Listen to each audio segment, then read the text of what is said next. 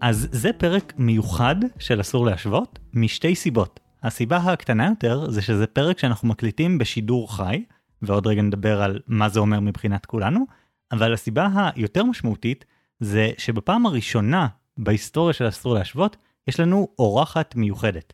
אז האורחת שלנו, תמר, תציג גם את עצמה וגם את הנושא של הפרק. תמר. היי חגי, היי אורן, ושלום לכל המשתתפים שלנו כאן בזום. כיף להיות כאן. אה, אז אני תמר אלמוג, ואני ככה בשלוש, שלושת השנים האחרונות מתעסקת אה, המון, המון המון המון בנושא הזה של דחיינות. אה, בעיקר דרך המיזם שלי, שנקרא קודו, co.do, עבוד לבד ביחד. אני עשיתי תואר ראשון בפסיכולוגיה, תואר שני בפיתוח בינלאומי, שנקרא גם גלוקל, ובסופו הקמתי את המיזם הזה, שעובד בעיקר עם חוקרים ו... אנשים שעובדים לבד. ונעים להכיר וכיף להיות פה. אז אה, יאללה תמר, כן, ברוכה הבאה, ותספרי לנו את השאלה שלנו להיום. ננסה לפתור אותה יחד איתך. אמ, אחלה. אז האמת שבקטע אירוני הפרק על דחיינות נדחה כבר uh, פעמיים, uh, וזה קשור גם לתקופת הקורונה המשונה שאנחנו נמצאים בה היום. ובואו נודה על האמת, כולם תקועים בבית די הרבה זמן, וקשה להיות מונעים לפעולה, קשה לעשות דברים. וגם קיבלנו שאלה, נכון, אורן? כן, אז אה, נכון, אז אה, במקרה אה, יש לנו שאלה שקשורה לנושא המקצועי שלך. יער, שם בדוי, שאל אותנו, איך מתמודדים עם דחיינות? כשאני יושב ללמוד, אני קובע לי מתי להתחיל, וברגע שמגיע הזמן אני דוחה לעוד שעה, לשעה עגולה אחרת, ליום אחר, ככה עד שאני מגיע בלי מספיק זמן לדדליין או למבחן. הדרך היחידה שמצאתי היא להתחיל משימה גרועה יותר, וכך להתחיל ללמוד. הוא לא שואל שאלה מפורשת, אבל אני חושב שאפשר להבין שהשאלה היא איך להפסיק עם זה. זה מצחיק שהוא כבר הציג פתרון אחד, כבר בשאלה שלו, הפתרון של דחיינות מדורגת, מה שנקרא structured procrastination, שאתה כאילו מנסה לסדר את הדחיינות שלך באמצעות משימות יותר מפחידות ויותר גרועות, כדי לעשות משימות פחות גרועות, כמו לנקות את הבית. אני מנחש שהבתים של כולנו בתקופת הקורונה הרבה יותר נקיים מבדרך כלל. ככה מובטח שתעשה משהו מועיל, אבל באותה מידה מובטח שלא תעשה את מה שהתכוונת מלכתחילה לעשות. אם אתם רוצים להיות יעילים בכל החיים שלכם, תתחילו דוקטורט. אז תמר, אה, איך את הגעת לתחום של הדחיינות? רוצה לספר לנו קצת? כן, בשמחה. האמת שהייתי הייתי בהודו. לא עשיתי בטן גב, אלא האמת שעבדתי שם, ואולי אה, ככה אני אספר על זה עוד בהמשך. היה מאוד אה, נחמד, ו... וככה פגשתי הרבה אנשים מדהימים, וכשחזרתי לארץ, הייתי צריכה להתחיל לכתוב את התזה שלי, של התואר השני, ולא היה, בעצם לא הייתה מסגרת, אה, כי זה היה תואר שלא היה בו תזה עד אז. נורא נורא רציתי לעשות תזה, זה נשמע אולי אה, מוזר. וזהו, ואז בעצם התחלתי, ככה ראיתי שנורא נורא קשה לי לכתוב, והיה לי רעיון שבואו נהפוך את זה למשחק, בואו נביא כמה אנשים ביחד ונעשה את זה מעניין, ונמציא איזה משהו שיעבוד על כולם, שגם אם אתה עובד על הדברים שלך, לכולם אכפת מהדברים שלך, ועשינו איזשהו ניסוי כזה בירושלים, זה היה לפני שלוש שנים. אמ, ואז ככה זה היה כל כך מוצלח שגיליתי שכולם נורא סובלים מדחיינות כנראה, כי כולם מפיקים הרבה אושר מהפתרונות שלנו. האמת שאני אפילו הייתי בניסוי הזה בירושלים. אי אז. נראה לי אולי בניסיון השני, אבל לא, לא יודע אם בראשון, אבל כן. Uh, טוב, אז אני קצת אציג בדקה אחת את חוקי הפורמט של היום, uh, במיוחד לטובת המאזינים בבית שיבינו איך הדבר הזה הולך להתנהל, אבל גם אלה שנמצאים פה. Uh, בעצם, uh, בגלל הפורמט השונה, אנחנו קודם כל נאפשר מה שאנחנו לא מאפשרים בדרך כלל, שאלות ותשובות. אה, אנחנו בעצם בסוף כל אחד מהחלקים, אנחנו ניתן לכם לשאול שאלות בצ'אט, אני אבחר את השאלות ואקריא אותן, ואתם יכולים, יכולים לשאול מה שבא לכם. שימו לב ותנסו לשאול שאלות קצרות כדי שיהיה אפשר אה, להספיק אותן. אה, זה אחד. אה, שתיים, בגלל הפורמט ה live, אין לנו אפשרות לעשות לעצמנו אה, checking, בדיקת עובדות בזמן אמת, אז יכול להיות שיהיו לנו יותר פספוסים מהרגיל, אנחנו בדרך כלל, לפעמים אנחנו מקליטים מחדש אה, שלוש דקות של פרק כי אמרנו מילה אחת לא נכונה, פה לא תהיה לנו את ההזדמנות הזאת, אז תהיו איתנו עדינים. אה, אם יש לכם תיקונים בזמן אמת אה, מוזמנים אה, לחובבי ההיסטוריה או הסיוע ההומניטרי מביניכם. והדבר האחרון ששונה זה שזה לא יהיה מודל אחד של אורן ומודל אחד שלי, אלא מודל אחד שלי ושל אורן ומודל אחד של תמר. ואנחנו הולכים בעצם לנסות לה, להיכנס לתחום של תמר, שבו היא עובדת כבר שלוש שנים, ולהראות לה שבעצם אנחנו יודעים יותר טוב, למרות שנכנסנו לזה לפני שבועיים. אני בטוח שילך לנו טוב, ואני בכלל לא מרגיש uh, שאני מגזים, uh, שאנחנו מגזימים בגישה שלנו. Uh, ובכל מקרה, uh, זה הזמן להציג את המודלים. אז אורן, מה המודל שלנו? קודם כל, חגי, אמנם התחלנו להתכונן לפרק לפני שבועיים, אבל דחיינות אני כבר מקצוען מאז גיל צעיר, אז אני לא חושב שזה חדש לי לגמרי. בכל מקרה, המודל שלנו הוא שדחיינות זה כמו מלחמת ששת הימים. אוקיי, אוקיי, אז אנחנו... אני, אני באופן טבעי תומך במודל הזה. בוא נראה איך תמר הולכת לאתגר אותנו. המודל שלי זה דחיינות זה כמו סיוע המוניטרי, ואני הולכת להוכיח שאני צודקת. אוקיי. טוב, אחרי כל מלחמה צריך סיוע הומניטרי. אז נעשה את זה לפי הסדר הזה. אנחנו נסביר למה זה כמו מלחמה, ואז תסבירי למה זה יותר כמו הניקוי של אחר כך. אני רק אומר שכמובן יומיים, עוד יומיים נוכל להעלות את הסקר בפייסבוק שיכריע מי מאיתנו הפסיד במלחמה ומי צריך סיוע הומניטרי. ועכשיו אני צריך ללכת לפינה בשביל הבדיחה הגרועה הזאת. אאוץ'. אבל אוקיי. ועכשיו הגיע הזמן למודל שלנו. אורן, כן. תסביר למה דחיינות זה כמו מלחמת ששת הימים.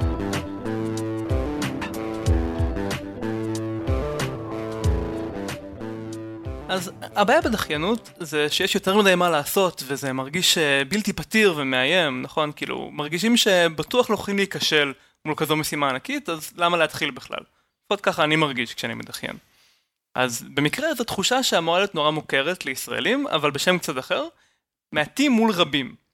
זאת אומרת, אנחנו הקטנים צריכים להתמודד עם כל כך הרבה דברים שמקיפים אותנו ואנחנו לבד במערכה, איזה סיכוי יש לנו. אז אה, במקרה של ישראלים, או של אה, צה"ל, אנחנו יודעים שיש סיכוי, ואפשר דווקא להפתיע גם בתנאים האלה. למשל, מלחמת ששת הימים. כן, מלחמת ששת הימים זאת המלחמה הישראלית, כלומר, המלחמה הכי, אה, אה, שבה אנחנו הכי מתגאים אה, כישראלים בהישגים שלה, היא כמובן המלחמה שהכי עיצבה את המציאות שבה אנחנו חיים היום, כנראה. והמלחמה הזאת אה, אה, נתפסת כאיזשהו מהלך מדהים שבו אה, יש את הקטע הזה, תוך שישה ימים הבסנו צבאות של שלוש מדינות שלמות, אה, הכפלנו פי שלוש את השטח הריבוני של מדינת ישראל, בעצם הישג עצום.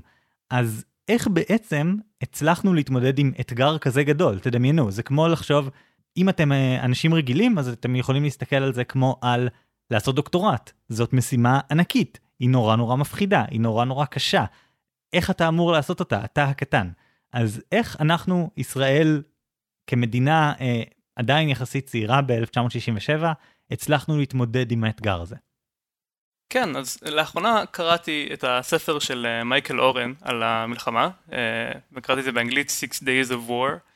אה, אגב, זה מייקל בורנשטיין אורן, ומי שלא יודע, השם האמצעי שלי הוא מייקל, אז אני אורן מייקל ברנשטיין.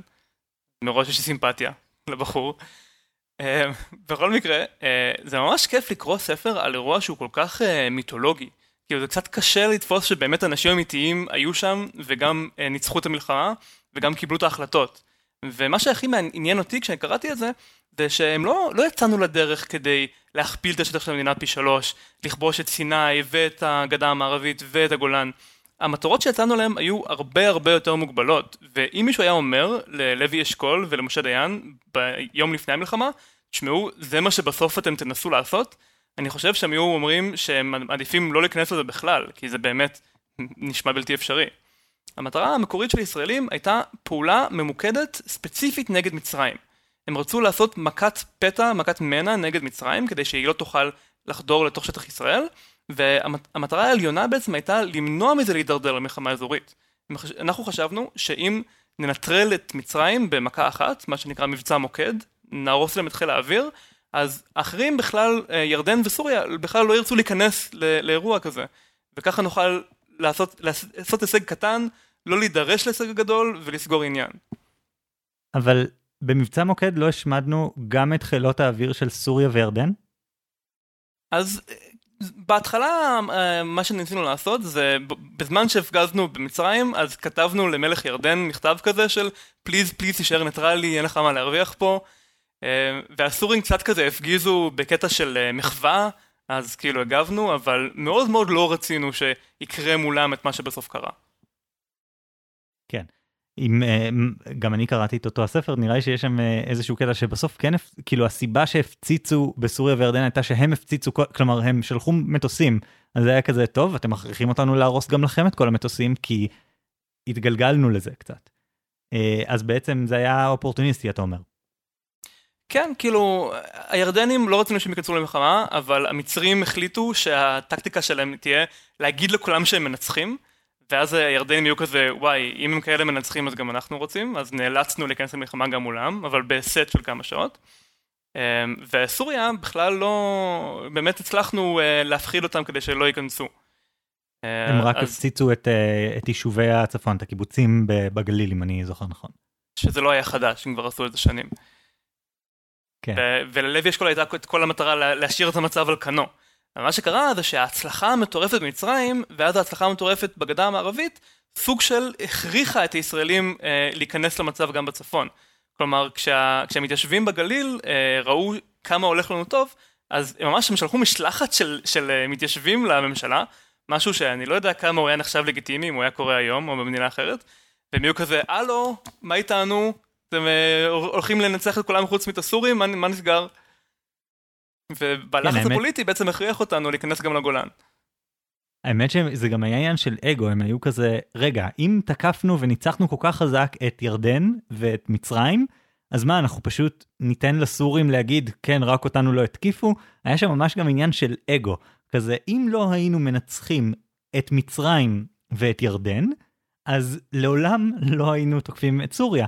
האמת שגם המתקפות, הרבה מהמתקפות על ירדן היו אופורטוניסטיות באיזשהו קטע שיחידות שהתאמנו למהלכים מסוימים נגד מצרים, ההצלחה בחזית המצרית הייתה כל כך אפקטיבית שמבצעים, אם אני זוכר נכון, הצנח, אה, אחת, אחד מגדודי הצנחנים או חטיבות הצנחנים, בעצם אה, פונו מאחד המשימות שהייתה להם, כי הם התאמנו למשימה מסוימת, המשימה הזאת הפכה ללא רלוונטית, כי קו החזית פשוט ברח אל תוך סיני, ואז הפנו אותם איך שהם לחזית עם ירדן. פשוט כי התפנו משאבים, הצלחנו כל כך חזק, אז יאללה, אז כאילו בוא, בוא נלך לשם. עכשיו, עוד משהו שאורן אה, ציינת קודם, זה העניין הזה של אה, המצרים התלהבו מזה שהם מנצחים, נכון? אה, ולכן המצרים חשבו יצא... שמנצחים, רוב המצרים חשבו שמנצחים, רק המנהיגים שלהם ידעו שזה הכל שקר. זהו, והם עשו מזה כל כך הרבה דרמה, והדרמה הזאת בעצם גם אפשרה לישראלים די הרבה. נראה לי שהדבר הכי דרמטי שם זה הקטע שהירדנים אה, הפיצו מסרים על זה שארצות הברית ובריטניה מעורבות במלחמה, שזה היה שקר שהמצרים הפיצו במטרה להכניס את הרוסים לתוך המלחמה, ובגלל השקר הזה, האמריקאים אה, אה, פשוט, היה להם פחות אינטרס אשכרה לעצור את הישראלים. אז uh, כל הישראלים בגדה המערבית מתקדמים ומתקדמים, כל הזמן מחכים לרגע שארצות הברית uh, תשים להם ברקס, וארצות הברית מהססת, מתמהמת, פשוט כי הירדנים שיקרו כל כך חזק, אז מגיע להם. נכון. הם גם לא רצו להתערב, כי האשימו אותם שמתערבים, אז הם לא רוצים להוכיח שזה בעצם כן נכון. אוקיי, בכל אז... מקרה, לשיטה הזאת בצבא קוראים defeat in detail. כלומר, יש מולך צבא גדול, אז אתה מנסה להפריד חלקים ממנו, ועם כל הצבא שלך, להרוס את החלק מהצבא של היריב שוב ושוב ושוב, ובסוף ניצחת את כולם. אה, שם אחר לאותו דבר זה אה, הפרד ומשול, או אה, הפרד וכבוש, שזה שימש בהיסטוריה הרבה מאוד פעמים לניצחונות אדירים. ככה יוליוס קיסר כבש את צרפת למשל, הלך שבט שבט, וזה גם טקטיקה שעובדת בתחומים שלגמרי לא קשורים לצבא. אה, בתחום מדעי המחשב יש מלא אלגוריתמים, ש... הנה הכלב. יש מלא אלגוריתמים שהם הפרד ומשול. אה, מיון, דברים כאלה. אם אתם שומעים את הבנג הזה, זה הזנב של הכלב על הפח. אוקיי, אני, אה, אתה, אורן, כן, מתמודד עם הכלב. אני אשים אותך לעצמי על מיוט רגע. כן. האמת שיש לי שאלה, אני רוצה, אם אפשר, לנצל את ההזדמנות. אורן וחגי, אני רוצה ככה לאתגר אתכם טיפה.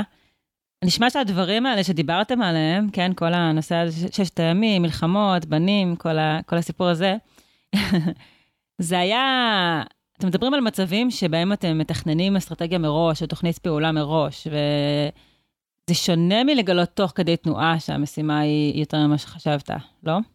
האם אתם חושבים שהאסטרטגיה הזאת תקפה גם בלייב, או רק אם אתה מחליט ככה מראש? אז קודם כל, האסטרטגיה שאנחנו מציעים, כי לא אמרנו את זה במפורש, לא, לא קישרנו את זה עדיין, אז, אז נגיד שהאסטרטגיה שאנחנו מציעים היא בעצם כמו שמדינת ישראל אה, לקחה את האתגר הגדול הזה, ואפשר להתווכח על האם בכוונה או לא בכוונה, כן, אה, אה, עשתה את המשימה הגדולה באמצעות חלוקה שלה למשימות קטנות. יוליוס קיסר לצורך העניין בהחלט עשה את זה בכוונה כשהוא עשה את זה. אה, אז בעצם באותו אופן, המשימה הגדולה היא דבר מפלצתי, מפחיד, ואם אתה תנסה לקום מחר בבוקר ולעשות דוקטורט, או לקום מחר בבוקר ולכתוב ספר, אין שום סיכוי שתצליח. זה פשוט לא הולך להצליח בשום צורה. אה, זו המציאות. אה, ולכן, במקום זה, אנחנו אומרים, תפרק את זה, תיקח את המשימה המפחידה הזאת, ותחלק אותה לחלקים קטנים, וכל חלק הולך אה, להיות לך יותר קל. אה, יש סופר אמריקאי שפגשתי לפני איזה 15 שנה, טים פאוורס, סופר אה, מדע בדיוני פנטזיה, שהוא אמר, ככה, ככה הוא כותב ספרים, כי הוא אומר, אם אני מתיישב לספר, להתחיל לכתוב ספר ואומר לעצמי, טוב, זה הספר שאני מתחיל עכשיו ואני אסיים לכתוב אותו כשאני בן 54, אז אני בחיים לא אתחיל לכתוב אותו. אז מה הוא עושה במקום זה? הוא אומר, טוב, אל, אל תכתוב ספר, תכתוב תשעה משפטים ראשונים לספר. הוא כותב תשעה משפטים ראשונים. ואז הוא אומר, אוקיי, טוב, אתה עדיין לא כותב ספר, אבל תבחר שלושה מתוך התשעה משפטים האלה ותהפוך אותם לעמוד שלם. ואז הוא כותב שלושה עמודים שלמים. ואז הוא אומר לעצמו, טוב, תיקח רק את אחד העמודים האלה, תראה אם הוא יכול להתרגם לספר של, לפרק שלם. ואז הוא כותב פרק שלם, ואז הוא אומר, טוב, ידידי, התחלת לכתוב ספר. אז בעצם הוא לקח את המשימה הגדולה הזאת ועבד על עצמו, שזאת הגישה שאני תמיד אוהב לקדם בפודקאסט הזה, עד שהוא צמצם את עצמו למשימה שהוא באמת יכול להתמודד איתה. עכשיו, לשאלה שלך, תמר, על מה הוא אמור לעשות, אה, אם הוא הגיע למצב שהוא יום לפני, אז קודם כל כולנו מכירים מדחיינות שאם אתה יום לפני או, או יומיים לפני או שלושה ימים לפני, כאילו ממש ברגע האחרון, אז כבר אין לך מה לעשות. מה שאני אומר זה שבמקום, אה, אה, מה שאנחנו אומרים זה שבמקום זה, במקום לחשוב רק על המבחן, תנסה להגיד לעצמך, לא, אני לא הולך ללמוד למבחן. אני הולך ללמוד את הפרק על לא יודע, ביולוגיה של uh, חלקי המוח, אם המבחן שלי הוא ביסודות ביולוגיים של התנהגות נגיד, מבחן שעשיתי לפני איזה 13 שנה. אז זאת בעצם התשובה. תמנע מעצמך מלכתחילה להגיע למצב הזה באמצעות זה שתפרק את הבעיה הגדולה לבעיות קטנות יותר. אוקיי. Okay. אז נניח שבאמת הוא יעשה את זה, אוקיי? Okay? הוא יתכנן והוא יעשה את זה אסטרטגית, והוא ככה, כן, יער שלנו um, יגיע למצב שהוא מפרק, אבל עדיין הוא מגיע למשימה שמרגישה לו מפחידה. אוקיי? לצורך העניין, במבחן אה, לסטטיסטיקה, כן? אז הוא למד את כל החלק של המשהו, ונשאר לו ההסתברות, שזה החלק השנוא עליו, כן?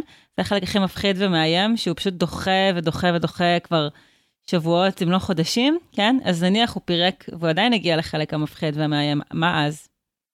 אז זאת אומרת בעצם שיש את החלק המפחיד ומאיים, וזה לא יעזור כמה תחלק אותו, הוא, הוא, הוא יושב שם, הוא מין כזה החלק שאי אפשר לפתור אותו, וכל השאר זה רק קישוט בשבילו. זה מה שמונע ממנו לעבוד, נכון? נראה לי. אז זה מזכיר לי משהו ששמעתי כשהייתי, כשגרתי בירושלים בזמן האינתיפאדה השנייה, 2000-2003, אה, אז היה אז בעיות בין אה, גילו לבית ג'אלה, למי שזוכר. והבדיחה שאני שמעתי זה שבחו"ל חושבים שבישראל מסוכן, בישראל חושבים שבירושלים מסוכן, בירושלים חושבים שבגילו מסוכן, ובגילו יודעים שברחוב המסוים, במספר המסוים של הרחוב, כשנכנסים למטבח, אז צריך להיזהר כשמושיטים יד למקפיא, כי זה בדיוק עם הזווית לחלון לבית ג'אלה. זאת אומרת, כמה שאתה יותר מסתכל על משהו מרחוק, הוא נראה, כאילו כל הדבר נראה לך מפחיד ביחד, אה, אבל כשאתה מתחיל לחלק את זה, אז יש את החלקים שהם בסדר, אתה עושה אותם, ויש את החלקים שבעייתיים, וזה נכון ש... גם אותם צריך לעשות בסוף, אבל החלוקה מאפשרת לך לפחות לתקוף כזה 80% מהבעיה, ואז אתה יכול למקד מאמץ בחלק שהוא, שהוא ממש בעייתי. וחשוב לומר, יצאת עם איזשהו הישג, גם אם פתרת רק 80% מהדברים. כלומר, אם את החלק של הסתברות הוא לא יכול ללמוד כי הוא עדיין חרד מדי, קודם כל, כמו שכותב לנו אה, זוהר אה, בצ'אט, אז כשאתה מפרק את המשימה לחלקים קטנים יותר, אתה, במיוחד משימות ממש ממש טכניות, כלומר לא משימות שהן ברמת ה... אה, לכתוב משפט זאת משימה טכנית, אפילו לכתוב עמוד זה פחות טכני מלכתוב משפט, כן? אז זה מוריד את החרדה, זה כבר עוזר, אבל נעזוב את זה, גם אם הוא נשאר עם החרדה מסביב להסתברות, זה לא משנה, הוא עדיין למד את שאר החומר, הוא התקדם משמעותית. גם אם ישראל לא הייתה כובשת את אה, הגדה המערבית ואת רמת הגולן, היא הייתה כובשת את סיני ומשיגה שלום עם מצרים לצורך העניין. ווואלה, זה ההסכם שלום הכי יציב שיש לנו פה. אז זה גם רווח אדיר. זה כמו להסתכל על מלחמת ששת הימים ולהגיד, נו, מה, לכבוש רק את סיני? כמו שאמרו אנשים אז בזמן אמת, נכבוש רק את סיני, מה נעשה? מה עם אה, ירושלים? מה עם uh, סוריה וכן הלאה. אגב, עוד משהו בהקשר הזה, עוד, יש עוד מקום שבו עשו, ש, שבו כאילו השתמשו באסטרטגיה הזאת, רק שכשאני אה, ואורן קראנו את, ה, את הספר של מייקל אורן, כל עמוד בערך, יש שם איזשהו קטע שאתה רואה, אה, ואז המצרים פשוט הלכו אחורה. פשוט אה, ויתרו, פשוט ברחו, כזה, שאתה לא יודע כמה מזה תעמולה וכמה מזה אמיתי. אבל יש שם איזה vibe שהכל פאשלות, נכון? של, ה, של המצרים. כן, המצרים ממש כאילו... הסיפור הוא שבגלל שכל כמה שנים איזשהו קצין בא ועשה הפיכה מהצבא המצרי וכבש את המדינה, אז אה, הם נאלצו כל כמה שנים להעיף כל בן אדם עם שמץ אוטונומיה ושמץ יכולת מהצבא, ונשארו עם אוסף של מטומטמים.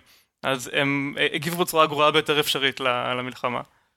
זהו, אז, אז כאילו קשה לדעת אם זה מזל או, או הכנה או מה, אבל כאילו חלק, אם אנחנו רוצים לראות מקום שבו לא היה את המזל הזה, אז יש אה, את ה... נראה לי התוכנית הצבאית הכי מפורסמת בהיסטוריה, אולי אחת ה... אולי המפורסמת ביותר, אה, תוכנית שליפן, שזאת התוכנית אה, של גרמניה במלחמת העולם הראשונה.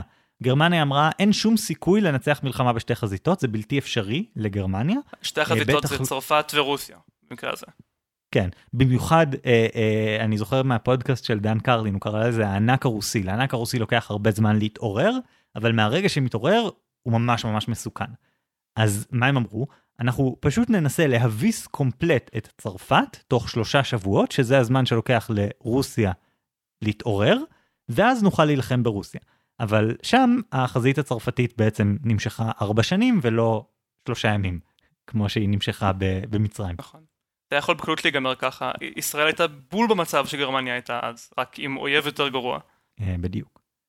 תשמעו, אני מבינה שאתם אה, עפים על הפתרון שלכם והכל, אבל uh, אני חושבת שאתם מפספסים פה משהו מאוד מאוד uh, מרכזי. אתם מתייחסים למשימות והחיים עצמם, כאילו זה עניין טכני, כאילו בואו ניקח משימה, נפרק אותה לחתיכות קטנות, ויאללה, נצא למלחמה. ואני חושבת שזה הרבה יותר מורכב מזה. כאילו, כל העולם של ויסות רגשי, שזה בעיניי האלף-בית של דחיינות, סורי גייז, שזה אומר בעצם שבן אדם ניצבת מולו משימה, אוקיי? משימה גדולה, משימה מפחידה, וזה לא משנה אם זה רק פרק בהסתברות, או לכתוב דוקטורט, או לנקות את הבית, אוקיי, לנקות את הבית אולי יצא מחוץ לתמונה, זה לא ממש משימה שמעוררת חרדה לרובנו, אבל הנקודה היא שאני חושבת שאתם ממעיטים בכמה שחרדה אוקיי? והרגש שיש לנו כלפי המשימה משחק תפקיד מרכזי בסיפור הזה של דחיינות.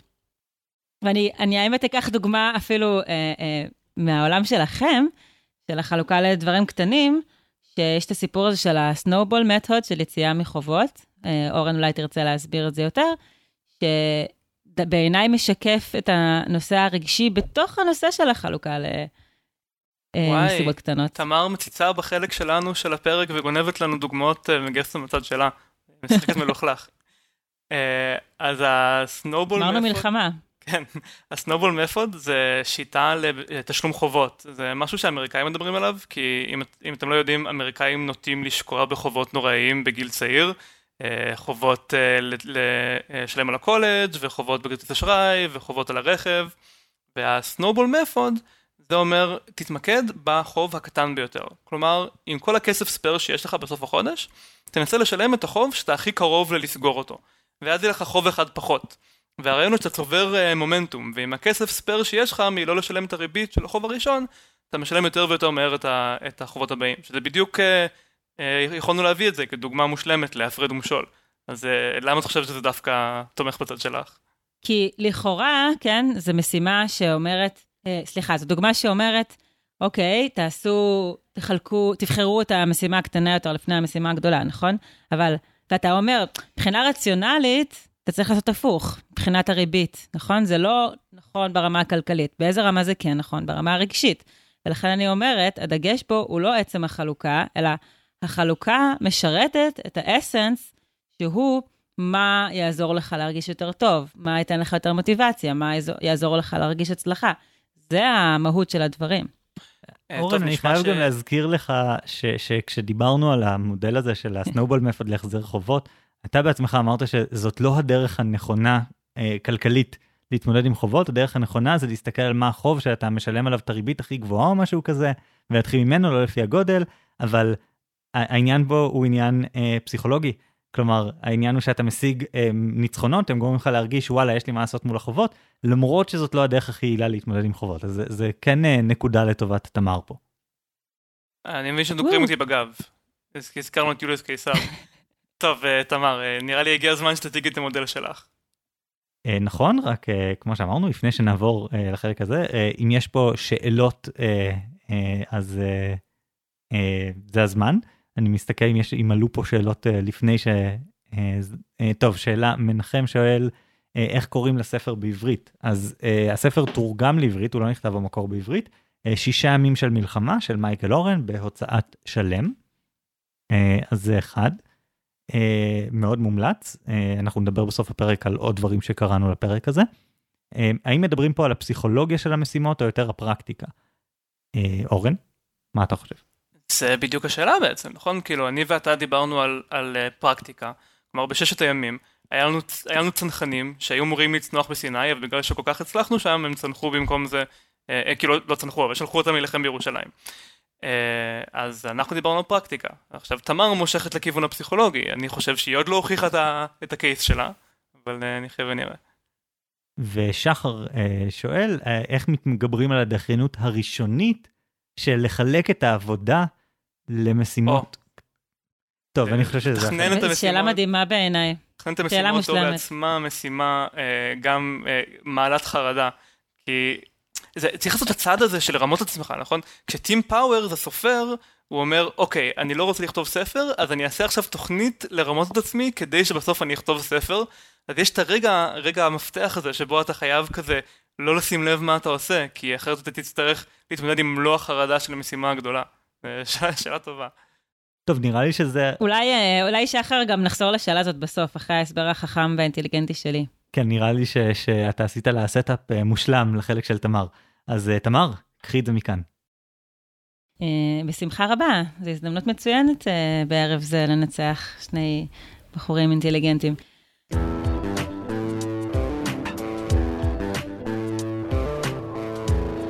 אז בעצם העמדה שלי בדיון היא שדחיינות היא כמו סיוע הומניטרי, ואני אגיד, כאילו, ככה לפני שאני מתחילה, שאני לא חושבת שאתם לא צודקים. אני חושבת שהנושא הזה של אה, תכנון זמן וכזה הרמה הטכנית של האסטרטגיה, מדיניות, יעדוף, חלוקה, כל זה, זה נחמד, ובאמת, אפשר לדבר על זה הרבה, לקרוא בלוגים וזה, אבל זה לא, כאמור, זה לא המהות וזה לא הדבר ש, שבו אנחנו צריכים להתמקד כשאנחנו מדברים על דחיינות. זה בעצם סוג של תוסף, סימפטום, ו, וניגע בזה בסוף, מה הקשר בין הדברים. אז הרבה פעמים אנחנו נתקלים במצבים שאנחנו חושבים שאנחנו רוצים לעשות משהו, מתיישבים לעשות משהו, וזה משהו בתוכנו פשוט לא מניע. אנחנו חווים סלידה עצומה מביצוע המשימה, וזה מה שאני אוהבת לדבר עליו כשאני מדברת על דחיינות. אז אני ארצה להציג את, ה, את המודל של סיוע הומניטרי דרך מודל ספציפי בתוך העולם של סיוע הומניטרי, שנקרא The Leaky Bucket, הדלי הדולף, הדלי המטפטף. ומה זה אומר הדלי המטפטף?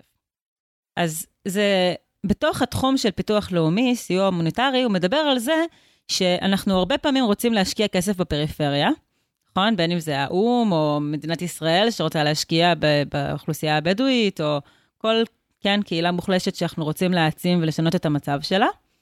ומה שקורה זה שהכסף מגיע למקומות האלה, לפריפריה הגיאוגרפית, לפ... לפריפריה החברתית, ואיכשהו הוא לא נשאר שם. יש לכסף נטייה לדלוף החוצה, כאילו יש חורים בדלי, ו- ופתאום, היי, הכסף נעלם, וכל פעם צריך עוד לשפוך כסף, ועוד פעם הוא נעלם. Um, וזה בעייתי, תסכימו איתי, כי יש פה, כן, אנחנו לא יכולים, זה לא בר קיימא, להשקיע כסף במקום, ואז שהמקום אשכרה ישתפר ויצמח.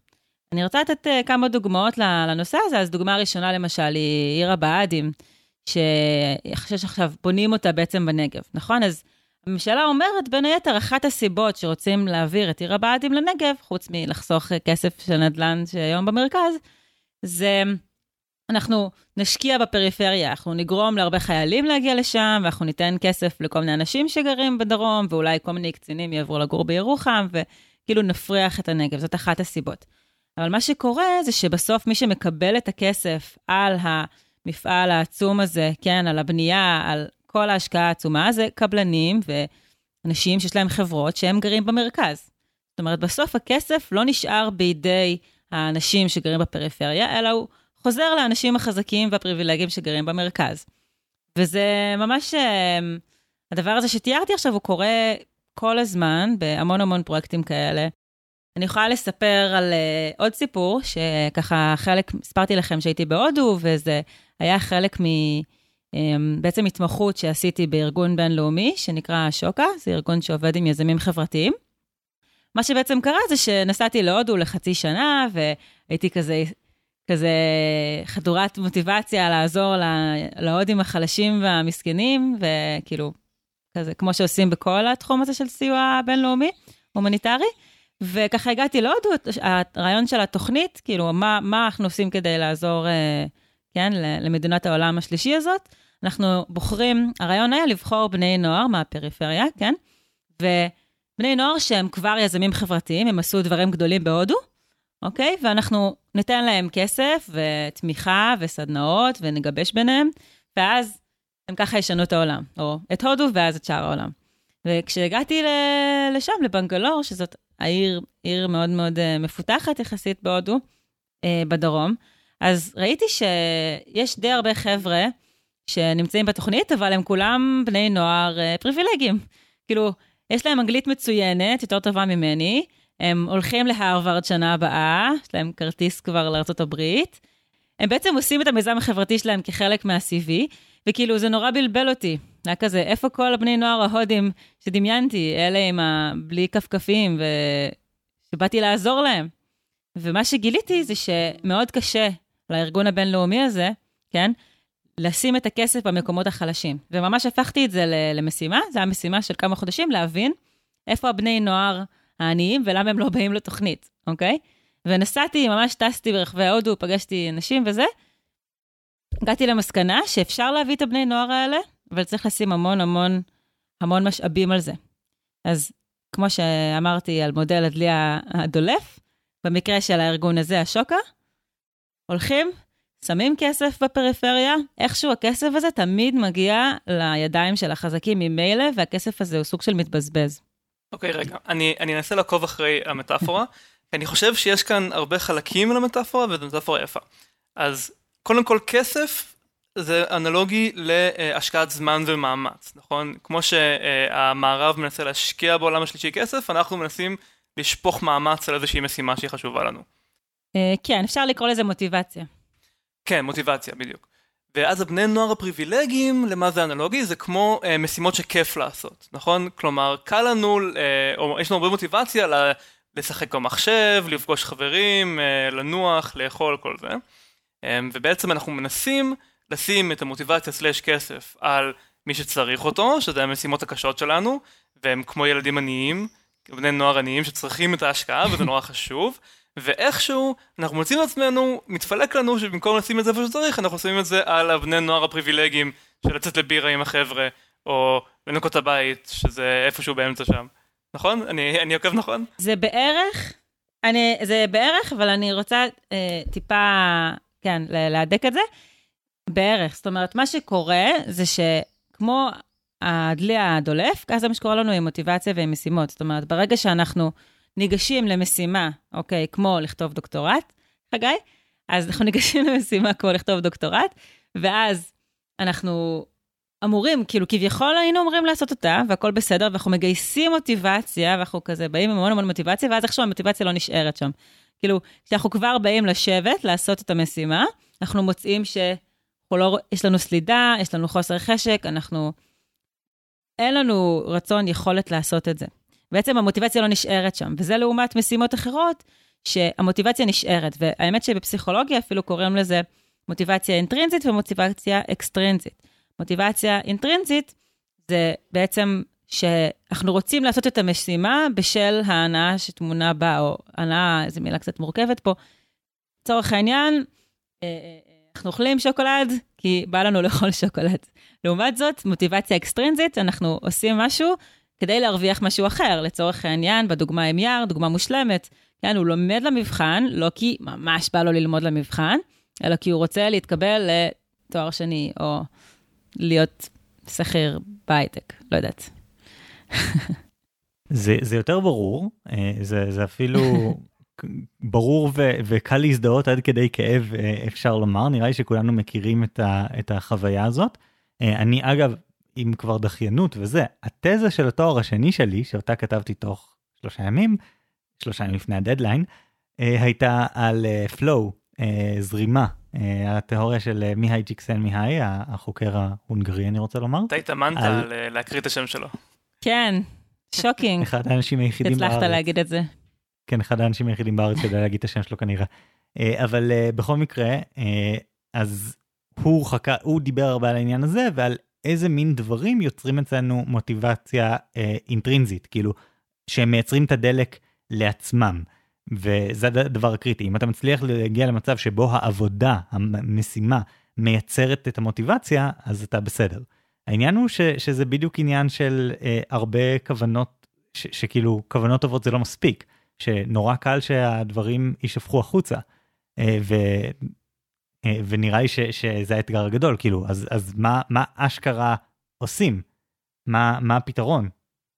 אני חייבת לומר שפלואו זה אחת התיאוריות האהובות עליי, ושהיא לא נחקרת מספיק. אז נעשה אחר כך שת"פ חגי, וצריך לעשות משהו עם הפלואו הזה, כי זה באמת רעיון גאוני. אז אני חושבת ככה, בואו באמת ניקח את זה לעולם המעשה. בעצם מה שאנחנו רוצים לעשות, מה שאני מייעצת ליער לעשות, ולמי שמאזין לנו במקרה שמדחיין דברים, הרעיון הוא לייצר מוטיבציה מתוך הדבר עצמו, גם במשימות ומצבים שבהם אנחנו לא באמת, הם לא, מה שנקרא, הדלי שלהם דולף, כן? הם מתקשים לייצר מוטיבציה באופן בר קיימא. Um, אז אני רוצה לתת כמה דוגמאות לזה. אמ, אנחנו רוצים לקבל חיזוקים חיוביים שהם מיידיים, אוקיי? זאת אומרת, אם אני, אם אני עושה משהו, אוקיי? והיה כל כך, אה, כן, זה כל כך אה, כיף, כי אני כל הזמן אומרים לי, כל הכבוד, איזה יופי, תמשיכי כך, כן? אז תסכימו איתי שדי כיף לעשות את המשימה הזאת. אה, ולמשל, יש כל, כל מיני קבוצות ריצה עכשיו, של אתה, אתה שומע באוזניות, שאומרים לך תוך כדי, יופי, נשאר לך עוד דקה. זאת ממש דוגמה חיה לפתרון הזה. ואני רוצה גם um, להרחיב את הנושא של חיזוקים חיוביים ולהגיד שקראתי את הספר האחרון של דן אריאלי, שנקרא שווה לך, והנה הוא פה איתי, מי שאיתנו בזום יכול לראות. והוא מביא שם דוגמה, הוא דן בכל, ה... דן, דן, בכל הנושא הזה של uh, חיזוקים חיוביים, והוא משווה בין קבוצת ביקורת לשלוש קבוצות, אחת שמקבלת שובר לפיצה, אחת שמקבלת uh, מחמאה מהבוס, ואחת שנותנים להם כסף. כאילו, קחו את אותו כסף של הפיצה, קבלו במשכורת. והוא, והוא בודק כמה זה משפיע, נגיד, על המוטיבציה שלהם לעשות את המשימה, כן, בתור שכירים בארגון כלשהו.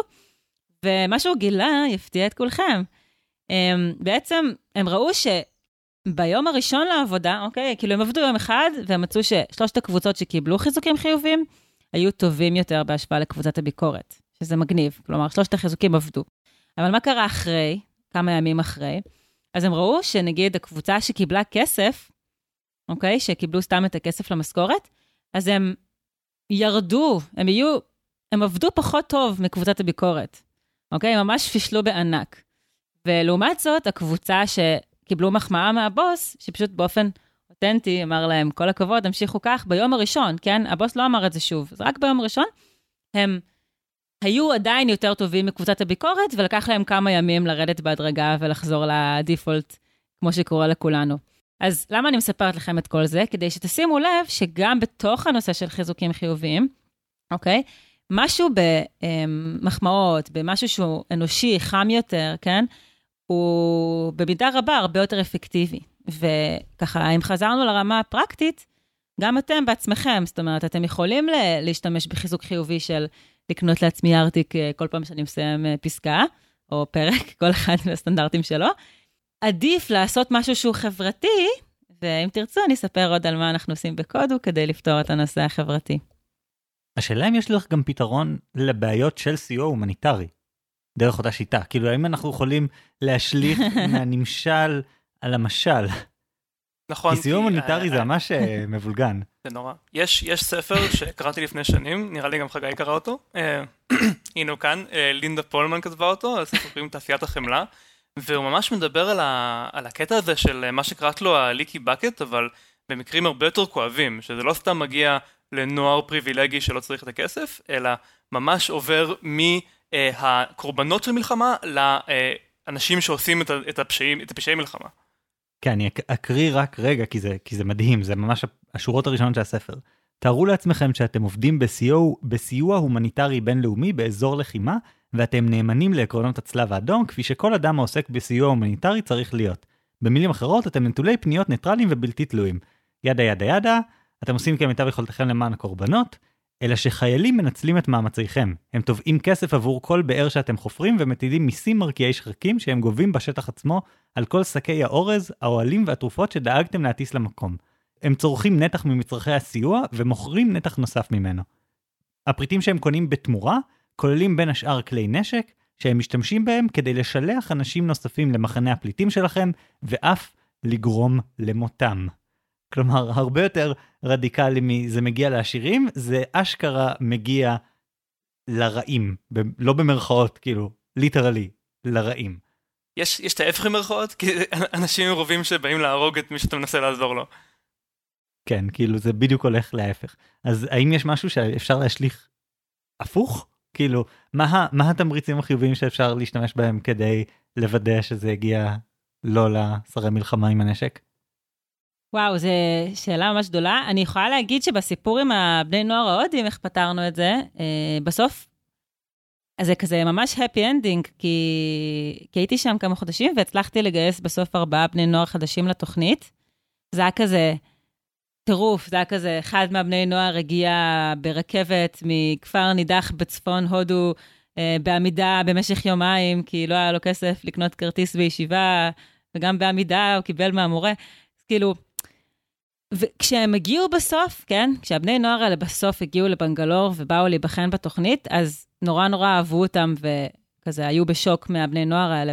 מה שאני מנסה להגיד זה, זה אפשרי לעשות את התיקון הזה, זה אפשרי למצוא כוחות, הון אנושי טוב בפריפריה, כן, ולהשקיע בו, ואז בעצם ההון האנושי הזה, בגלל שגם בדוגמה שנתתי זה יזמים חברתיים, אוקיי?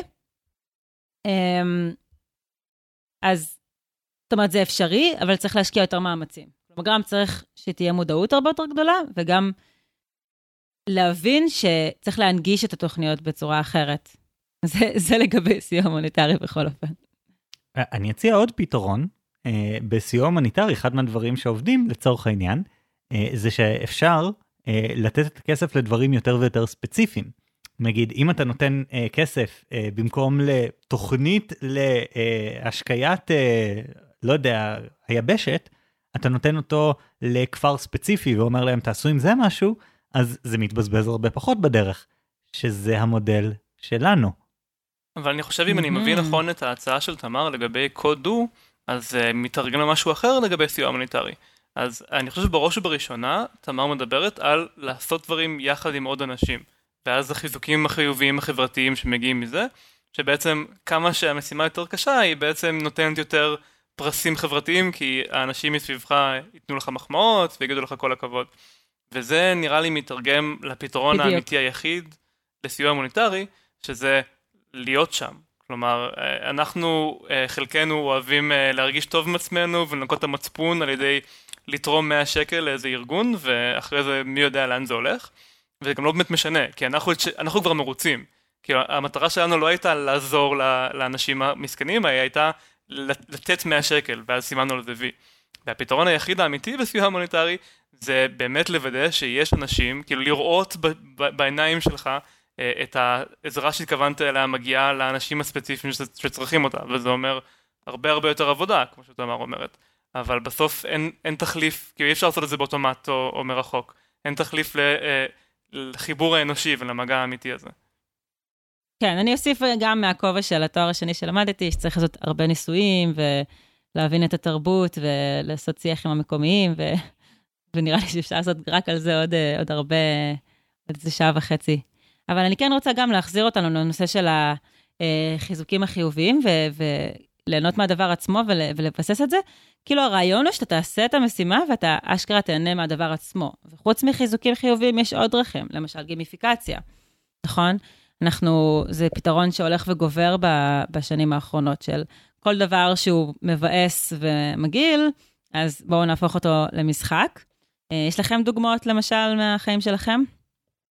אנחנו דיברנו על זה לדעתי בפרק, אה, אני לא זוכר, ארבע או משהו שלנו, על אה, איך מייצרים הרגלים, על זה שאני עד היום מתמיד לעשות מדיטציה כל יום, כי יש לי אפליקציה שסופרת לי כמה ימים ברצף. אני היום על 175 ימים ברצף של מדיטציה, ואני ממשיך כי אני יודע שיש עוד achievement ב-180 יום. אני חושב שאחרי ה-180 יום אני, אני עלול לפשל, יהיה לי יותר, כי, כי הסיכוי להגיע ליעד אחרי זה של 365 הוא קטן, אבל uh, זה, זה בעצם מייצר לי איזשהו תמריץ. אני עושה את המדיטציה רוב הזמן, לא, לא בשביל המדיטציה, אלא בשביל הנקודות. אני רואה שאתם בדיוק. ממש קראתם כאן ברית, אה, תמר וחגי, ברית ה- לעבוד על עצמך, שזו השיטה הרגילה של חגי. אה, אז אה, אני חשבתי שאני מציע את פתרון פרקטי, כאילו תשלח את הצבא שלך ל- לחלקים מסוימים של הזירה וככה תביס את כולם, אה, אבל אה, אתם אה, בקטע של תן לעצמך פרסים, תביא לעצמך ארטיק, אה, תגדיל את המספר באפליקציה, כל המכלול הרגיל של אה, שיטות הרמאות עצמית. אבל, אבל למה ככה? אני חושב שאפשר לשלב, אפשר לשלב את שתי הגישות. תחשוב, מה, מה, נראה לי שהשיטה הכי מוכרת לפתרון של דחיינות, כאילו איך, מה השיטה הקלאסית שמלמדים אותנו? שיטת פומודורו.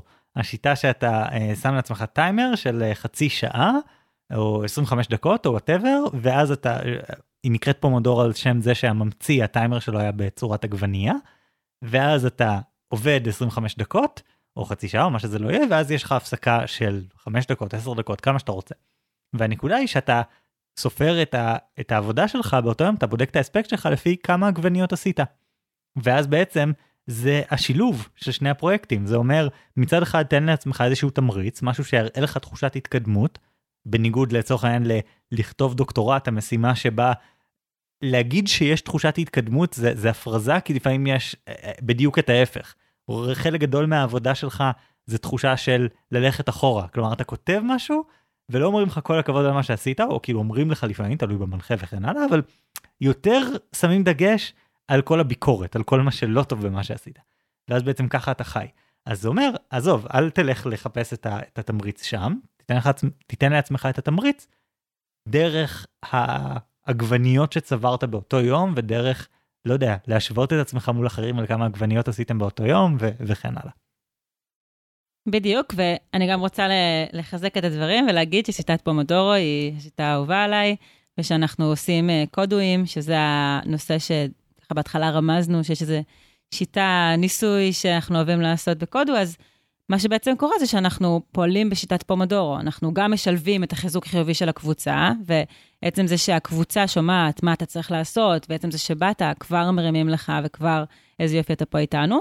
עם הנושא הזה של הפומודורו, כן? וכל פעם שאתה מסיים, אז כזה, היי, סיימתי את זה. זאת אומרת, הקבוצה רואה איך מפומודורו לפומודורו, אתה באמת מתקדם עם המשימות, וזה מה שנקרא, אנשים חווים, אני רוצה להאמין, יש פה הרבה חבר'ה בקהל, אז אתם יכולים uh, להעיד על עצמכם בצ'אט בתור uh, משתתפי עבר או הווה, שאני חושבת שאנשים, הרבה אנשים מדווחים כיף. זאת אומרת, אם המצב הרגיל של, לצורך העניין, כתיבת דוקטורט זה באסה, או וואו, זה ממש גדול וקשה ומפחיד ולא בא לי לעשות את זה עכשיו, אבל יש לי עוד חמש שנים לעשות את זה, אז זה עובר למצב של, היי, hey, זה ממש כיף, ממש בא לי להיכנס, לעשות קודו ולהתקדם ולהרגיש טוב ולהרגיש שמפרגנים לי, זה סבבה, ואנשים אפילו לא שואלים את עצמם ולא מרגישים את הדחיינות, כי הם עסוקים בליהנות. אז כן, אני מאוד מאמינה, אורן, בשיטה של לעבוד על עצמך, אני חושבת שזה מאוד... Uh, עוזר לאושר של בני אדם. בתור בן אדם שהשתתף בקודו אני יכול להגיד באחד הראשונים בתכלס זה אני יכול להגיד שזה בדיוק חלק גדול ממה שעובד כאילו אחד התחושה של טוב, עכשיו יש לי רק עוד צ'אנק של שעה לעבוד, שעתיים לעבוד, חצי שעה לעבוד, תלוי איפה. אבל גם פשוט זה שאתה מוקף באנשים שזה כל מה שהם עושים, ומצד שני אתם, יש לכם מלא הפסקות ביחד, ויש, ו, ויש אווירה כזאת, זה מאוד עובד, וזה זה פשוט דבר שמוכיח את עצמו, לעבוד עם עוד אנשים, לייצר קבוצ... כאילו, לייצר לעצמך מחויבות למוטיבציה האינטרינזית של קשר חברתי. כי אנחנו ממש מתוכנתים כבני אדם לרצות קשר חברתי חזק, ומה לעשות, לעבוד על כל דבר זה הרבה יותר קל כשאתה עם עוד בן אדם. אמ, ובמיוחד נגיד בתקופות עכשיו אנחנו רואים הרבה אנשים שהלוח זמנים שלהם קצת מתפרק בגלל החוסר בקשר אנושי ואני מכיר כל מיני גישות יש לי חבר שעובד אה, בקומה אחרת מאורן אה, בגוגל שאומר שהגישה שלהם זה שיש להם אה, חדר זום או הנגאוט אני לא יודע של המשרד פתוח ואתה פשוט בא אתה נכנס למשרד אתה פשוט נכנס לחדר עכשיו אתה במשרד. מנסה לייצר תחושה אה, של חברה. אה, אוקיי, אבל אני חושב שאנחנו אה, קצרים קצת בזמן, אנחנו רוצים אז לענות על שאלות, והיו פה כבר כמה שאלות, אני אתן אה, לאורן ולתמר לענות. אה, שאלה אחת ש... שטכנית הייתה שייכת לחלק הקודם, וראיתי אותה קצת אחר כך, אבל אה, נעלה אותה עכשיו. אה, זה השאלה, אה, מה לגבי ליאור שואל או שואלת, אה, מה לגבי ריבוי משימות, multitasking, איך זה משפיע על כל העולם הזה? אז כן, כבר דיברנו על זה שעצם התכנון של המשימות זו משימה מאיימת בפני עצמה. אמ, אבל אני חושב שלגבי ריבוי משימות, יש את הבעיה שכל משימה היא קטנה ולכן הפרס שמגיע עם אה, להשיג את, ה, את היעד הוא גם קטן. ומשהו שאני רואה שעושים אותו הרבה בעבודה שלי כמהנדס תוכנה, זה לקחת אוסף של דברים שהם כביכול לא קשורים, ולתת להם איזה שם גדול. ואז ביחד זה משימה אחת גדולה ואתה יכול להרגיש ממש טוב שהצלחת בזה. זה, זה מאוד קשה לתעדף, אה, לתקן את הדבר הקטנצ'יק הזה שלפעמים הכפתור הוא כחול והוא צריך להיות כחול כהה, אה, אבל אם לוקחים 20 כאלה ואומרים שהכותרת היא חתירה למצוינות או אה, שיוף והגעה לרמה עולמית, אז פתאום גם אתה יודע למה אתה עושה את זה, שזה מאוד חשוב, וגם כשאתה משיג הישגים חלקיים אז הם לא קטנים, אלא הם. נדבך משמעותי במשימה הגדולה. אז אתה אומר חוץ מלפרק משימה גדולה למשימות קטנות אז תדביק הרבה משימות גדולות למשימה גדולה כדי לייצר תחושה קודם של, אתה, שלם קודם אתה מדביק אותם קודם אתה מדביק אותם ביחד ואז אתה פותר אותם בחלקים וככה אתה מגיע להישג. תמר מה עמדתך? אני אישית מאמינה, טוב, יש תיאוריות שלמות על multitasking כן או לא, אני אגיד ש... אני מאמינה בלא להילחם בכל ההפרעות קשב וריכוז הדוריות שלנו, זאת אומרת, בסוף, עצם זה שאנחנו פותחים טאבים, כן? כל היום, אני משערת שלכל אחד שמאזין לנו כרגע, יש בממוצע 20 טאבים פתוחים. לפעמים יש לו תוסף שמשהה אותם, ואז הוא לא מרגיש שזה מאט לו על המחשב, אבל אנחנו פשוט דור כזה ו- ותרבות כזאת של להחזיק כמה דברים בו זמנית בראש. זה קשור גם ל social media, ו... לכן אני אומרת, אל תנסו להילחם ב multitasking, אבל תנסו כן לשים אולי דברים שאתם רואים שגוזלים לכם זמן והם טכניים, לשים אותם בשעות שאתם פחות ערניים, אוקיי? למשל, לפתוח את היום באימייל ולסגור את היום באימייל, ולא להשתדל לעשות את זה 24/7 בכל רגע שנפתח אימייל. אוקיי, יש לנו פה שאלה מאיתמר רוזנפלד ראוך. אה, זה נשמע רלוונטי לחיזוקים חיוביים חיצוניים. שקורים פחות בפרויקטים כמו, סתם למשל, לכתוב דוקטורט. יש איך ליישם את הגישה הזאת גם במקרים של עבודות עצמאיות? כלומר, כשאתה לא במערכת שמגיבה אליך? אה, אני חושבת שהדברים שדיברנו עליהם זה בעיקר לאנשים שעובדים לבד, אה, ומאוד לעצמאים. אה, היום בקודו למשל יש לנו גם חוקרים וחבר'ה שכותבים מחקר וגם עצמאים, ואני חייבת לומר, וואי, יש לי הרבה מה לומר על זה, שזה קבוצה שמאוד מאוד מאוד אה, מרוויחה מהסיפור. זאת אומרת, עצמאים, בגלל שלעצמאים יש, או עבודות קטנות, יש הרבה דברים שמעוררים חרדה, כי נדרשים לעשות הרבה מאוד דברים, פתאום לשווק, פתאום למכור, פתאום להמציא את עצמך, פתאום, כל מיני דברים שפעם ראשונה אתה עושה. אז לעשות את זה עם קבוצה, וכל הדברים האלה שדיברנו עליהם, המוטיבציה, ביחד, החיזוקים הקטנים, זה, זה מדהים, כי זה כל הזמן להרוג פרה-פרה והמון המון פרות קטנות. ככה אני רואה את זה. אוקיי, okay, uh, יש לנו פה עוד, פה עוד הערה של uh, זוהר ששואל, uh, או שואלת, אה, אני לא מבין, אה, מבין. אני שואל, אה, אני לא מבין מה צריך להיות החיזוק החיובי ואיך החברה בקודו עוזרת לכך, זה נראה לי כמו, יותר כמו הצמדות לשעות מסוימות. אה, אלא, אלא אם את מתכוונת להתקדמות בעבודה עצמה שמייצרת חיזוק. אז אני אענה בתור משתתף בדבר הזה. אמ, קשה לתאר אה, כמה האפקט של להוציא את עצמך מהסביבה הרגילה שלך ולשתול את עצמך בסביבה אחרת שבה מה שעושים זה לעבוד, זה מייצר את הלעבוד על עצמך הכי טוב שאני מכיר. אה, זה מייצר גם מקור למוטיבציה וגם כאילו עוד מקור חדש למוטיבציה, אבל גם תחושה של אה, פסיכולוגית, שאתה עושה משהו אחר עכשיו, אתה במקום אחר, אתה במשימות אחרות, וזה ממש ממש אה, אפקטיבי. אני רוצה להגיד, כתבת, זה מרגיש כמו משהו שמוריד חרדה יותר מאשר משהו שמייצר חיזוק, אז אני רוצה להגיד, זה גם מוריד חרדה, כי אתה כזה חייב, זה קצת אונסים אותך להתמודד עם דברים מפחידים וקשים, אבל זה גם חיזוק, כי לא יודעת אם יצא לך להיות בקודו כזה או לא, הרבה פעמים אנשים כזה מריעים אחד לשני.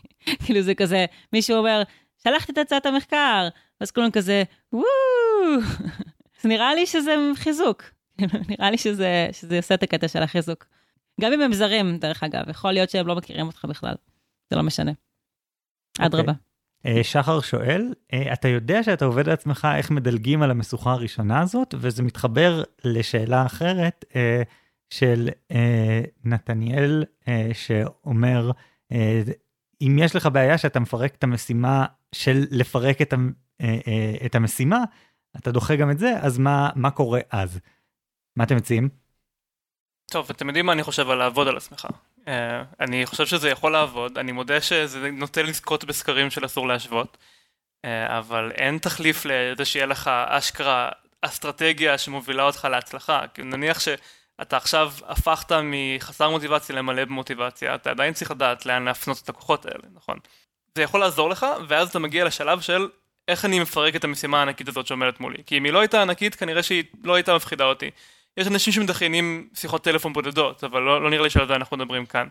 וכאן אני חושב שהנקודה לגבי הפחד מהמשימה של התכנון, אז צריך להבין שלתכנן זה המשימה עם ה-return on investment הכי גדול שיכול להיות.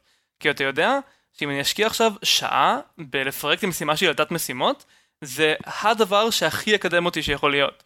אז כשמסתכלים על זה ככה ומנסים אולי לתת פרספקטיבה פחות רגשית ויותר פרקטית של uh, השקעה לעומת תועלת, אז זה הופך למשימה שכמעט תענוג לעשות אותה, כי היא תניב כל כך הרבה פירות. אני אומרת פשוט להתייחס לזה כמו כל משימה. כאילו, מקדישים פה מדורו ללתכנן. יש לי חבר שעושה לי את זה באופן קבוע, אנחנו, מאז המרתון הראשון uh, שהשתתפתי בו של uh, קודו, אז uh, בעצם סיפ... חזרתי בהתלהבות, סיפרתי על זה, ומאז אנחנו עושים את הקטע של לשבת ביחד ולעבוד, ואחד הדברים uh, שהוא עושה לי כל הזמן, הוא נורא טוב בזה, זה שכשאני יושב והוא שואל אותי מה יש לך לעשות ואני אומר אה, אני צריך לתקן מאמר אחת המשימות זה משימה של שבועות לפעמים. אה, ואז הוא אומר אוקיי לא זה לא תשובה טובה תן לי תשובה יותר ספציפית מה מה תן ת, תעשה רשימה נגיד הוא מכריח אותי לעשות רשימה או פשוט לפעמים הוא עוד יותר אה, עובד עליי תן דוגמה לדבר אחד שאתה יכול להספיק תוך 10 דקות ואז אני אומר איזה משהו כזה במשיכת כתפיים ובלי לרצות לעשות את זה. ואז אני עושה את זה ואני מתגלגל משם ללכבוש את uh, רמת הגולן וירושלים uh, ולמשימות נוספות פשוט כי כבר התחלתי אז אז למה לא. כן, אני רק רוצה לחזק במשפט את דבריו של חגי. עצם זה שהפכת את המשימה לספציפית, קונקרטית ורלוונטית זה 80% מהסיפור, וגם שאמרת את זה בקול רם. כלומר, אם היית רושם את זה לעצמך ביומן, זה דבר אחד, ברגע שאמרת לחבר שלך, זה כבר קרם עור וגידים, והופך את זה, זה גם יש הרבה מחקרים על זה בפסיכולוגיה, שזה כבר משפר את הסיכויים שזה יקרה.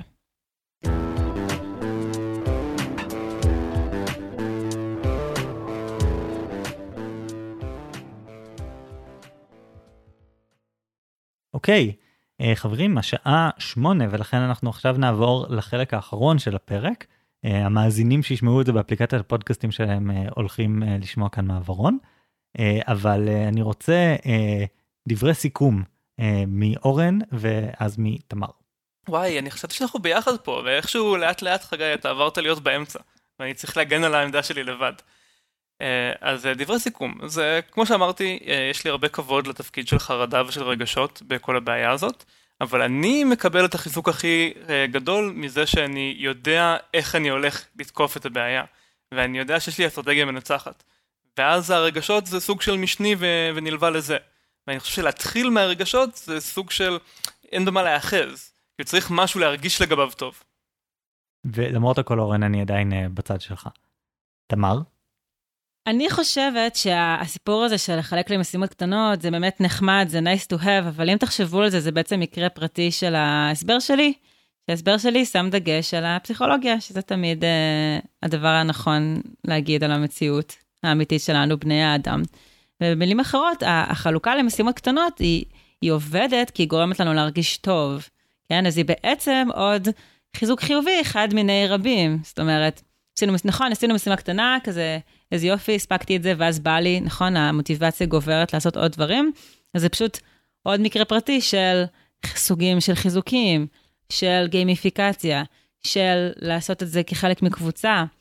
אני גם אגיד ששאלו פה בתגובות, שחר אה, זוהר שאל לגבי ליווי אישי יותר, אז מבחינתי זה לא משנה אם זה קבוצת שווים שעוזרת לך לעשות את זה, ואז אתה מקבל את החיזוק מהקבוצה, או אם זה מישהו שיושב איתך אחד על אחד ועושה את זה, כן? יש אנשים שיותר מתחברים לזה ויותר לזה, אולי כי מופנמים, אולי כי צריכים עזרה כזאת או אחרת, אבל בכל מקרה אתה צריך לקבל את, ה, את התמיכה הזאת, וזה משהו שבאמת, אחרי שעבדתי עם uh, מאות חוקרים ואנשים שעובדים לבד, people can't get enough of it. כלומר, כולנו זקוקים לחיזוקים חיוביים, ואם אתם שומעים לזה עכשיו, תנו איזה מילה טובה לאדם שנמצא איתכם כרגע בבית, כי זה מה שבסוף עושה את השינוי בחיים שלנו.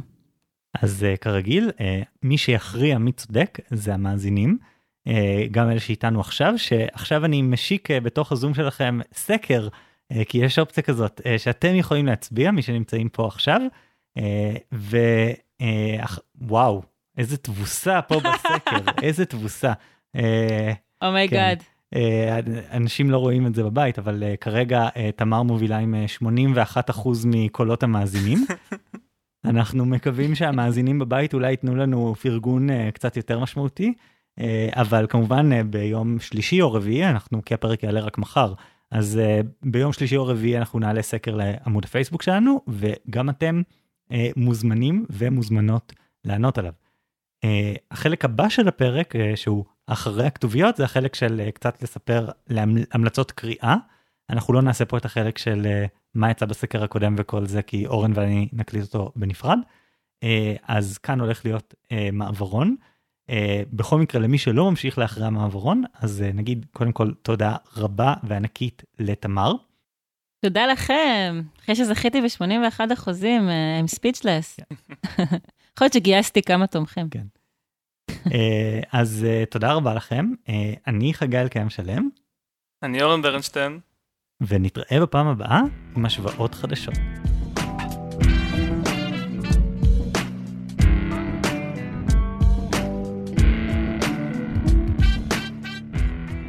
טוב אז אנחנו בפאוזה שהוקלטה בנפרד מפרק ה live שלנו כי משיקולי זמן העדפנו שלא לעשות את זה בזמן הפרק מול כולם. אבל עכשיו אנחנו נדבר קצת על תוצאות הסקר מהפעם הקודמת, על כמה תגובות נבחרות, ואז נחזור להקלטה של פרק ה live שלנו. בכל מקרה, התוצאה של הסקר הייתה שוב מאוד צמודה, 61-39, אה, פעם לטובת חגי. כן, זה ממש נחמד שהתוצאות שלנו נעשות יותר ויותר צמודות. אני יותר אוהב שיש תחרות, שאנחנו ממש מרגישים שאין צד שהוא חד משמעית יותר טוב, זה קשור לזה שאנחנו גם עוזרים אחד לשני לבנות את הטיעונים אני מניח, ומשתפרים בזה אני מקווה, תגידו לנו אתם.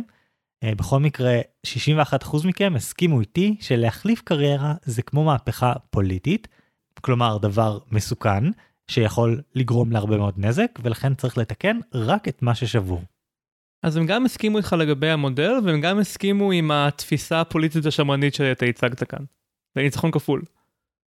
אני לא יודע אם אני מחזיק בתפיסה השמרנית הזאת עד כדי כך אבל זה ניצחון כפול לאדמונד ברק לפחות. יפה, וכמובן שקיבלנו כמו תמיד תגובות ממש מרתקות מכם. אה, למשל שחר גת כתב, אני חושב ששוב יש כאן מקרה שבו שני המודלים משתלבים.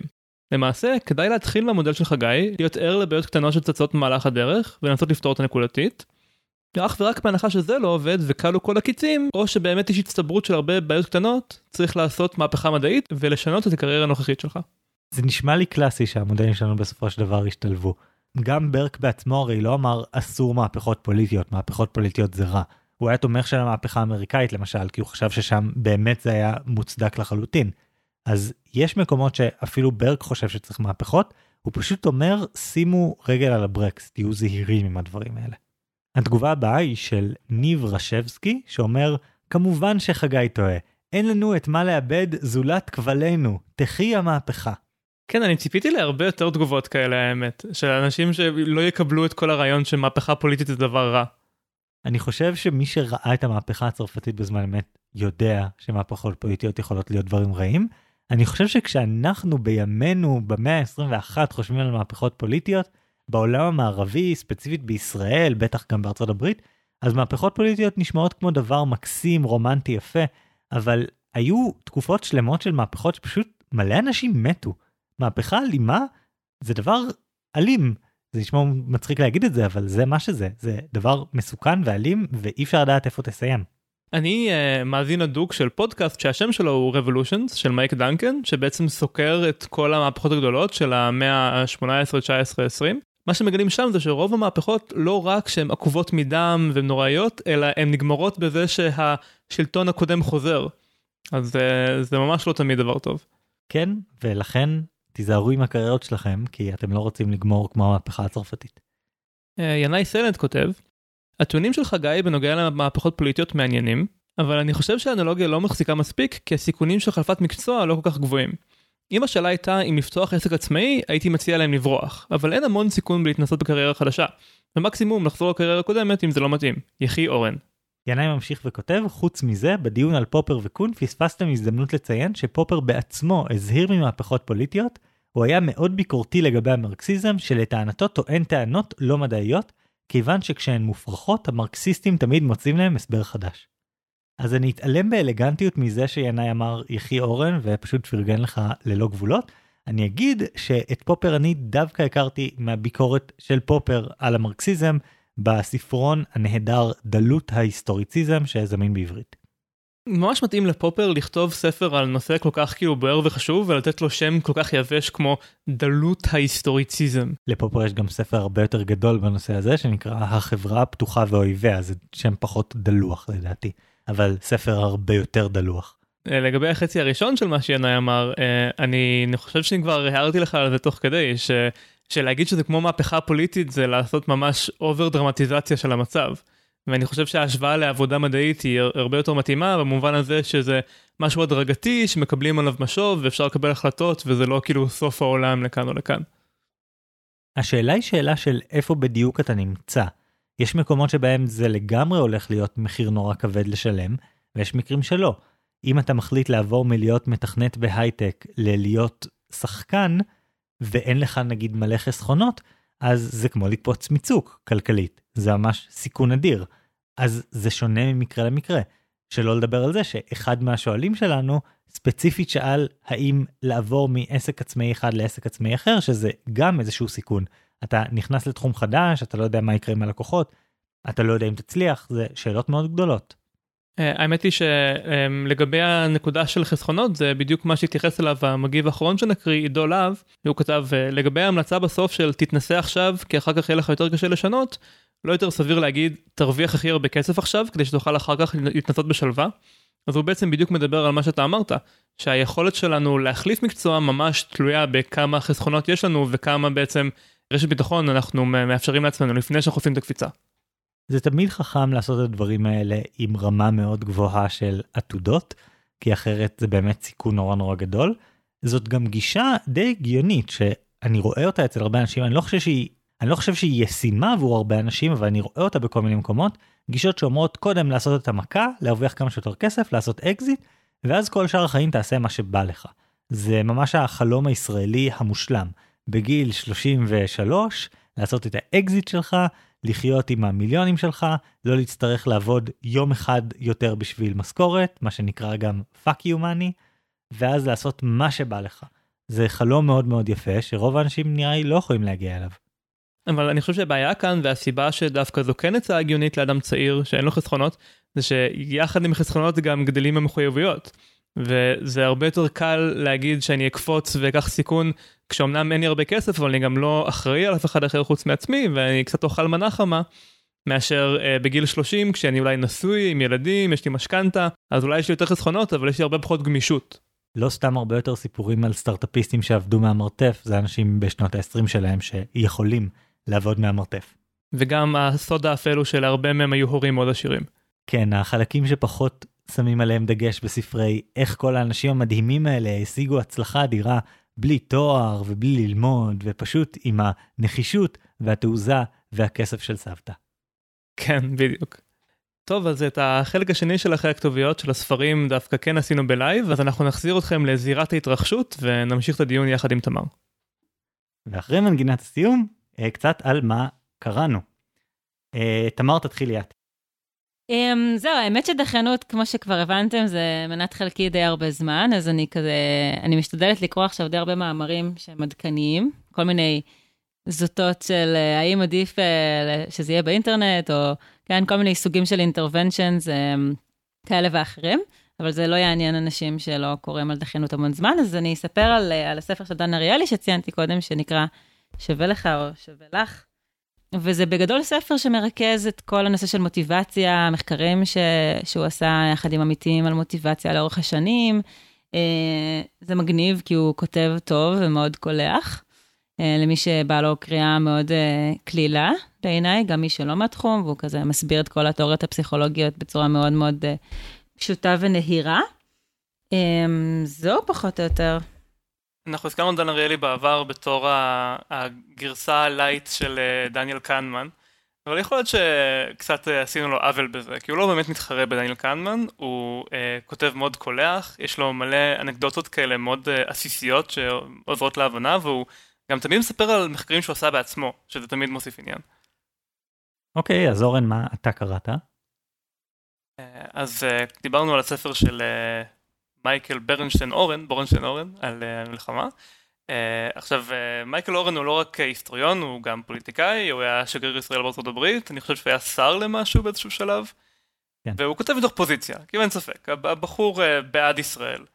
שאני חושב שלהרבה אנשים שמאזינים עכשיו, שרוצים לקרוא ספר על מלחמת ששת הימים, דווקא מעדיפים מישהו שיהיה קצת בצד שלהם. ואני חושב שהוא נותן את העובדות, יש לו גישה מטורפת בספר הזה לראיונות עם, אה, עם מפקדים מכל הצדדים ולדיוני קבינט של כל המדינות, זה פשוט מרתק. וזה פשוט באמת, זה לא קרה כמו שדמיינתי. אני פשוט דמיינתי, לא יודע, אה, שישה חיילי צה"ל יוצ... פושטים על סיני, ואז פושטים על ירושלים, ואז פושטים על הגולן, והם, והם אה, יפי בלורית ותואר והכל מושלם, וכמובן שהסיפור האמיתי הוא יותר מעניין כמו תמיד. יש בספר הזה קטעים מדהימים כמו הקטע שמצטטים איזה אחד מהמפקדים בחזית בדרום שהוא אומר שהוא פשוט ראה את הצבא הכי גדול שהוא ראה בחיים שלו מקצה לקצה ממלא את כל האופק ובורח.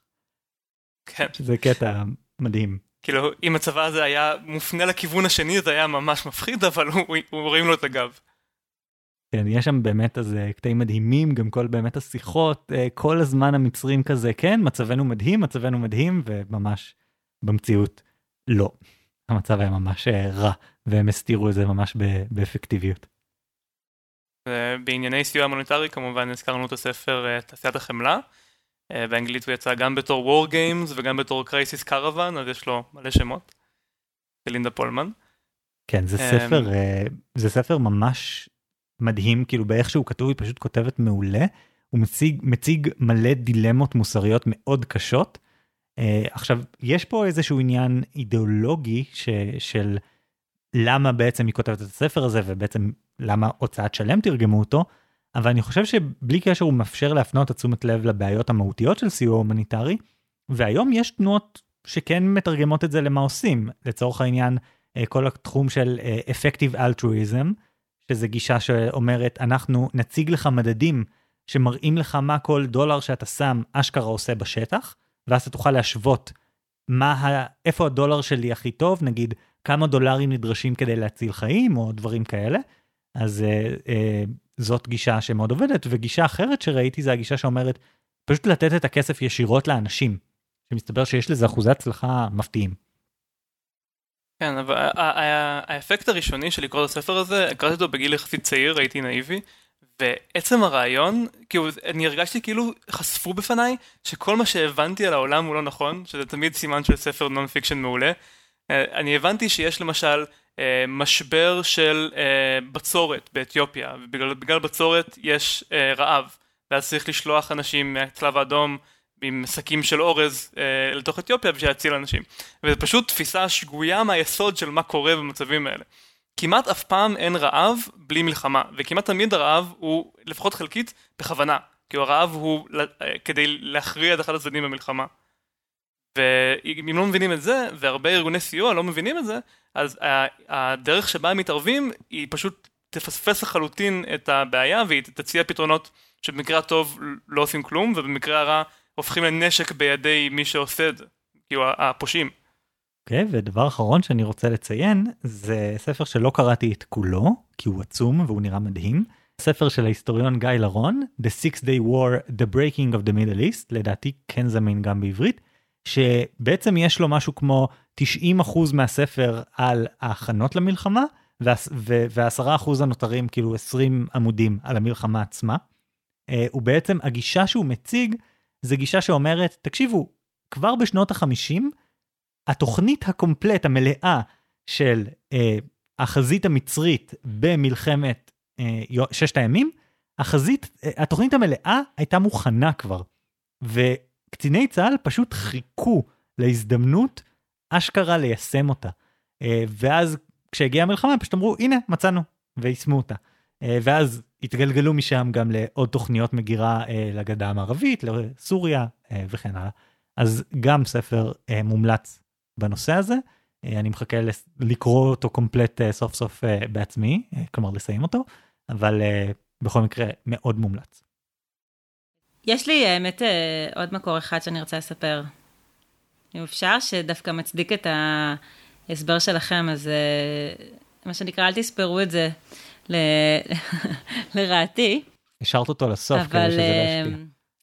בדיוק, שכולם יעזבו ויפרשו בדיוק. אבל uh, יש מאמר חדש של uh, נירה ליברמן, מי שמכיר, פרופסור נירה ליברמן מאוניברסיטת uh, תל אביב, um, וזה ככה, זה חמוד, הם, הם, החוקרים בעצם, הם בדקו מה ההשפעה, כאילו, יש משימה, סבבה, החבר'ה בניסוי עושים איזושהי משימה, ולקבוצה אחת נותנים בר התקדמות, ולקבוצה השנייה לא נותנים אה, בר התקדמות, כמו שאתם מבינים, אני מדברת על מאמר שקשור לדחיינות. ובעצם רצו לבדוק רק את החלק הזה של הבר התקדמות, כלומר, במה זה תורם? זה שאתה יודע שנשאר לך 80 אחוז, 70 אחוז, כן, עד לסיום, והנה עוד 20 אחוז אתה מסיים, עד כמה זה מש, משפיע על ה... אה, באמת אה, ביצועים. והם מצאו שהייתה השפעה מאוד מאוד גדולה. גם על ה... זאת אומרת, גם על הביצועים, אבל גם על התחושה אמ, של המשתתפים שהיה להם סבבה. כאילו, הם היו פחות עייפים, פחות הרגישו מותשים אחרי הדבר הזה. ואני חושבת שזה... זה מתקשר לה, באמת לרעיון שלכם בגלל הסיפור הזה של החלוקה. כאילו, זה נותן לך בכל זאת איזושהי ודאות, אבל זה גם מתקשר להסבר שלי, כי בסוף הכל קשור למוטיבציה, וכאמור, הרגשה, ש... הרגשה טובה שעזרה להם להמשיך, לדעתי. טוב, נראה לי שניתן לך את המילה האחרונה פה, בתור אורחת. אה, מאחל לכולנו בהצלחה בסקר. אה, תודה, תודה רבה. תודה רבה, תמר, היה תענוג. תודה לכם, היה נפלא, ממש, תודה. ותודה רבה לכל המאזינים, אה, וגם למשתתפים בלייב וגם למאזינים בבית. ונתראה בפעם הבאה עם השוואות חדשות. ביי ביי.